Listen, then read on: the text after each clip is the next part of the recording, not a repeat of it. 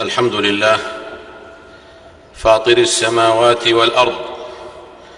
جاعل الملائكة رسلا أولي أجنحة. مثنى وثلاث ورباع. غافر الذنب وقابل التوب. شديد العقاب. ذي الطول لا إله إلا هو إليه المصير. له الحمد في الأولى والآخرة. وله الحكم وإليه ترجعون. وأشهد أن لا إله إلا الله وحده لا شريك له وأشهد أن محمدا عبد الله ورسوله النبي الأمي الذي يؤمن بالله وكلماته صلوات الله وسلامه عليه وعلى آل بيته الطيبين الطاهرين وعلى أزواجه أمهات المؤمنين وعلى أصحابه والتابعين. ومن تبعهم بإحسان إلى يوم الدين وسلم تسليما كثيرا. أما بعد فاتقوا الله عباد الله واعلموا أن هذه الدنيا دار ممر لا دار مقر.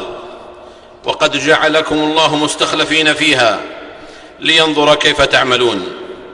فأما من أعطى واتقى وصدق بالحسنى فسنيسره لليسرى. أيها المسلمون إنما إن العالم اليوم إن العالم اليوم يعيش أوج مراحله التقنية والمعلوماتية ويشهد حمم براكين ويشهد حمم براكين الابتكارات والمحدثات في كافة الميادين. فلا يلبث الناس لحظات يسيرة مع مستحدث جديد يتأملون صورته إلا داهمهم من الجديد ما ينسيهم الأول. وهكذا دواليك.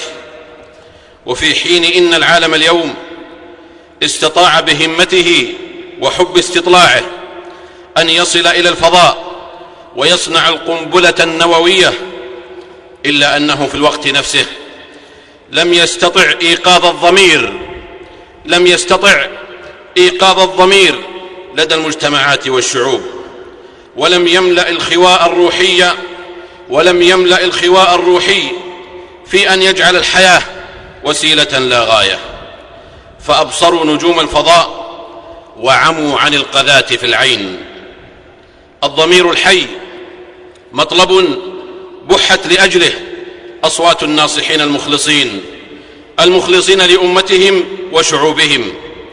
عز عليه أن يلاقي رجع صدى ينتشل أمة الإسلام من الضيق إلى السعة ومن الذل إلى العز ومن الذل إلى العز ومن الأثرة إلى الإيثار ومن الشين إلى الزين. وغالبا ما تكون اليقظة متأخرة إن وجدت بعد الوقوع لا قبله. والموقظ فيها هو الوقوع نفسه لا أصوات الناصحين. فيصدق قول بعضهم بذلت لهم نصحي بمنعرج اللواء فلم يستبينوا النصح إلا ضحى الغد.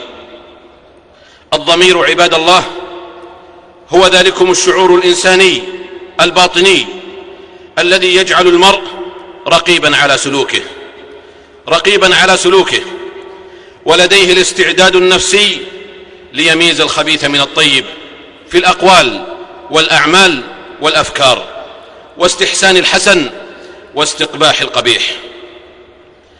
والإسلام في صميمه شريعة حرة قد حررت العباد من عبادة العباد إلى عبادة الله وحده ودلت على أن العزة مع الإيمان والذلة والدون مع الكفر والفسوق والعصيان. يبدو ذلك كله جليا من خلال ضمير الفرد من خلال ضمير الفرد وينتهي في محيط ضمير المجتمعات المسلمة بأسرها. لأن الضمير الحي إذا غاب عن المجتمعات أصبح أفرادها اشباحا بلا أرواح. وربما ترقت ببعض بنيها إلى أن يكونوا شياطين في جثمان إنس. ولا يمكن أن يكون في واقع الناس قضايا مشتركة في الضعف والقوة. والغنى والفقر والإيمان والفسق والعدل والظلم إلا وله صلة وثيقة بيقظة الضمير أو غفلته وغفوته. لقد عانت المجتمعات المسلمة في هذا العصر من غياب الضمير الحي الواعي ذلكم الضمير الذي عودهم في غابر الأزمان أنه إذا عطس أحد منهم في المشرق شمته من بالمغرب. وإذا استغاث من بالشمال لامست استغاثته أسماع من بالجنوب. بيد أن الدهشة كل الدهشة ما أصاب الأمة في هذا العصر حيث يصرخ من هو بجانبك ويئن فلا يسمع. ويشير بيديه ويشير بيديه الغوث الغوث فلا يرى. فإنها لا تعمى الابصار ولكن تعمى القلوب التي في الصدور. إنه لن يستيقظ ضمير الأمة إلا بيقظة ضمائر أفرادها. إذ كيف يستقيم الظل والعود أعوج؟ وكيف يلبس الخاتم؟ امرؤ أكتع اليدين. وكلما ضعف الضمير كلما تأخرت ساعة الوعي وكأنما على ضمائر أقفالها فأصبحت عقرى حلقا ثم إن الناس ثم إن الناس أصناف مع ضمائرهم.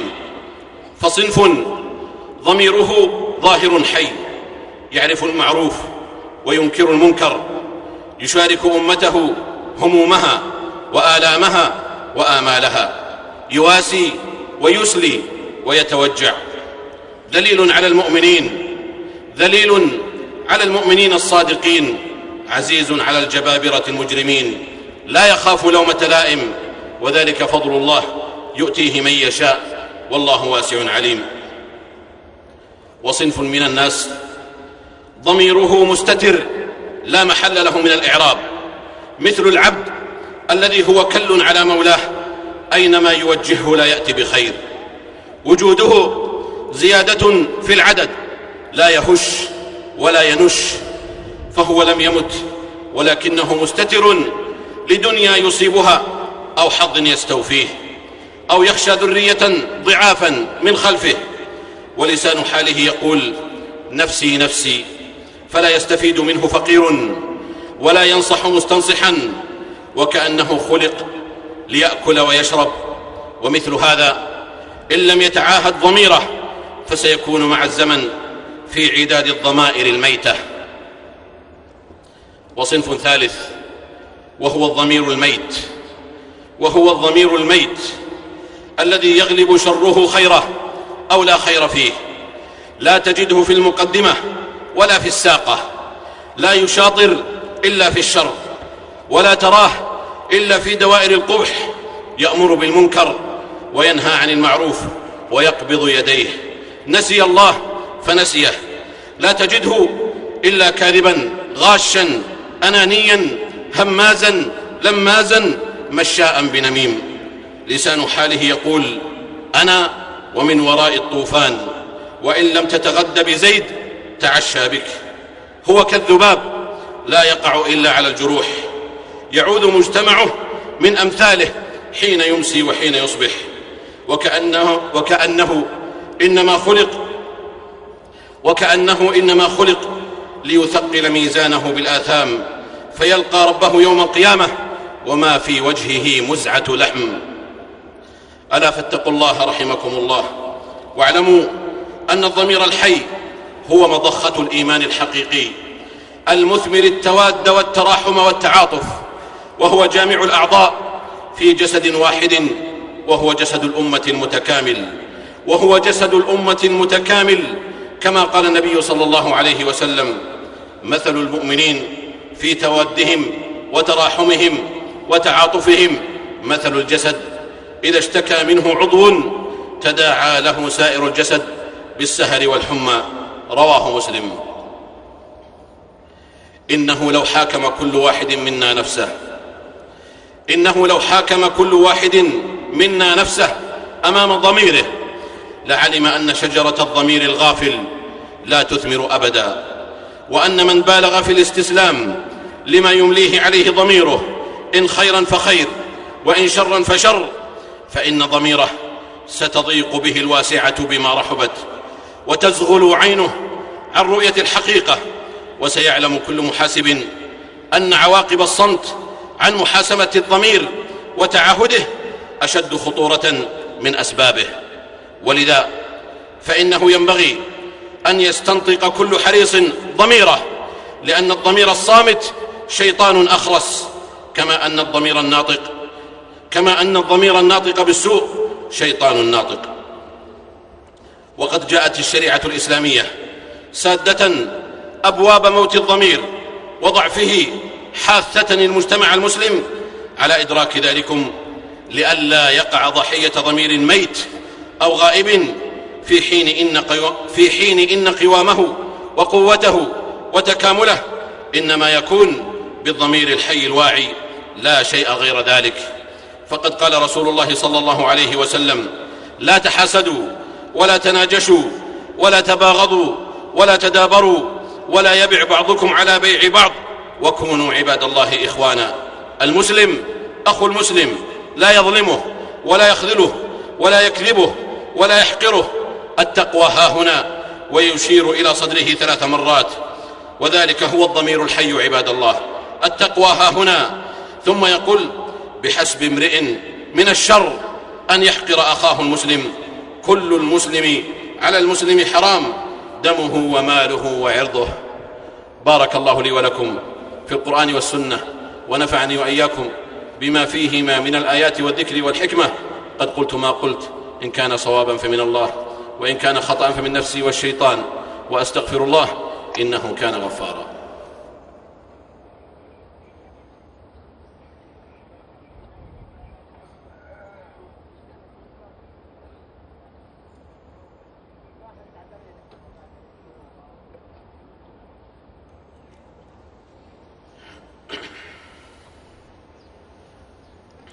الحمد لله وحده. والصلاة والسلام على من لا نبي بعده وبعد. فيا أيها الناس لا يشك صادق البتة أن الأمة بمجموعها وهي تكتوي بلهيب الصراعات والنكبات والعدوان والحروب التي أكلت الأخضر واليابس أحوج ما تكون إلى الضمير الصادق الذي لا غل فيه ولا حسد. الضمير المشفق الضمير المشفق الناصح الذي يقدم مصلحة بني ملته ومجتمعه وأهله الظاهرة على مصلحته الشخصية القاصرة. لأننا ندرك أنه عندما يموت الضمير تزأر الاثره وحب الذات ويصبح منطق الأفراد والمجتمعات عليك نفسك. لن تقدم أو تؤخر. ماذا عساك أن تصنع؟ لست كفيلا على بني آدم ولا وكيلا ولا حفيظا. إنه عندما يموت الضمير يقال دع ما لله لله وما لقيصر لقيصر. عندما يموت الضمير يؤمن الخائن ويخون الأمين ويصدق الكاذب ويكذب الصادق. عندما يموت الضمير يستأسد الحمل ويستنوق الجمل ويستنسر البغاث وتستقي البحار من الركايا وتنطق الرويبضة ويتخذ الناس رؤوسا جهالا فيضل ويضل. عندما يموت الضمير يصبح التعيير نصيحة والغيبة حرية والنميمة تحذيرا. وعندما يموت الضمير يمكن للظالم أن يدك شعبا كاملا فلا يدري في أي واد هلك فيقتل ويفجر فلا يبالي في أي واد هلك فيقتل ويفجر ويأسر ويشرد فيستصرخون ويستغيثون وينادون ولكن لا حياة لمن ينادى.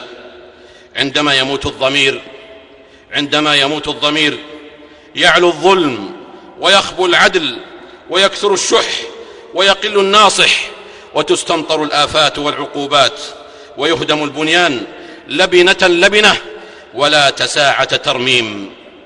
وأخيرا عندما يموت الضمير يموت الإحساس.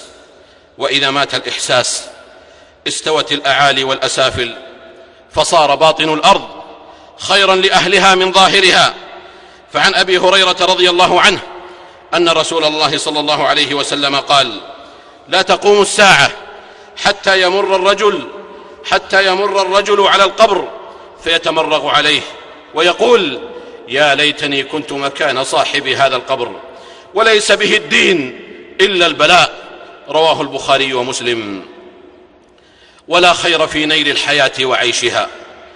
إذا ضاع مفتاح الضمائر وانمحى ألست ترى أن الحبوب ثخينة تحول دقيقا كلما تطحن الرحى. هذا وصلوا رحمكم الله. على خير البرية وأزكى البشرية. محمد بن عبد الله صاحب الحوض والشفاعة. فقد أمركم الله بأمر بدأ فيه بنفسه وثنى بملائكته المسبحة بقدسه وايه بكم أيها المؤمنون. فقال جل وعلا يا أيها الذين آمنوا صلوا عليه وسلموا تسليما. اللهم صل وسلم على عبدك ورسولك محمد وعلى أصحابه الخلفاء الأربعة أبي بكر وعمر وعثمان وعلي. وعن سائر صحابة نبيك محمد صلى الله عليه وسلم وعن التابعين ومن تبعهم بإحسان إلى يوم الدين وعنا معهم بعفوك وجودك وكرمك يا أرحم الراحمين. اللهم أعز الإسلام والمسلمين واخذل الشرك والمشركين. اللهم انصر دينك وكتابك وسنة نبيك وعبادك المؤمنين. اللهم فرج هم المهمومين من المسلمين. ونفس كرب المكروبين. واقض الدين عن المدينين واشف مرضانا ومرضى المسلمين برحمتك يا أرحم الراحمين. اللهم آت نفوسنا تقواها وزكها أنت خير من زكاها. أنت وليها ومولاها برحمتك يا أرحم الراحمين. اللهم آمنا في أوطاننا وأصلح أئمتنا وولاة أمورنا واجعل ولايتنا في من خافك واتقاك واتبع رضاك يا رب العالمين. اللهم وفق ولي أمرنا لما تحبه وترضاه من الأقوال والأعمال. يا حي يا قيوم اللهم أصلح له بطانته يا ذا الجلال والإكرام. اللهم انصر إخواننا المستضعفين في دينهم في سائر الأوطان. اللهم انصرهم على عدوك وعدوهم. اللهم انصرهم عاجلا غير آجل يا ذا الجلال والإكرام. اللهم انصرهم في فلسطين وفي سوريا وفي بورما وفي سائر بلادك يا ذا الجلال والإكرام. يا رب العالمين. اللهم عجل لهم بالنصر والفرج واجعل العاقبة لهم يا حي يا قيوم يا ذا الجلال والإكرام. اللهم أنت الله لا إله إلا أنت أنت الغني ونحن الفقراء. أنزل علينا الغيث ولا تجعلنا من القانطين.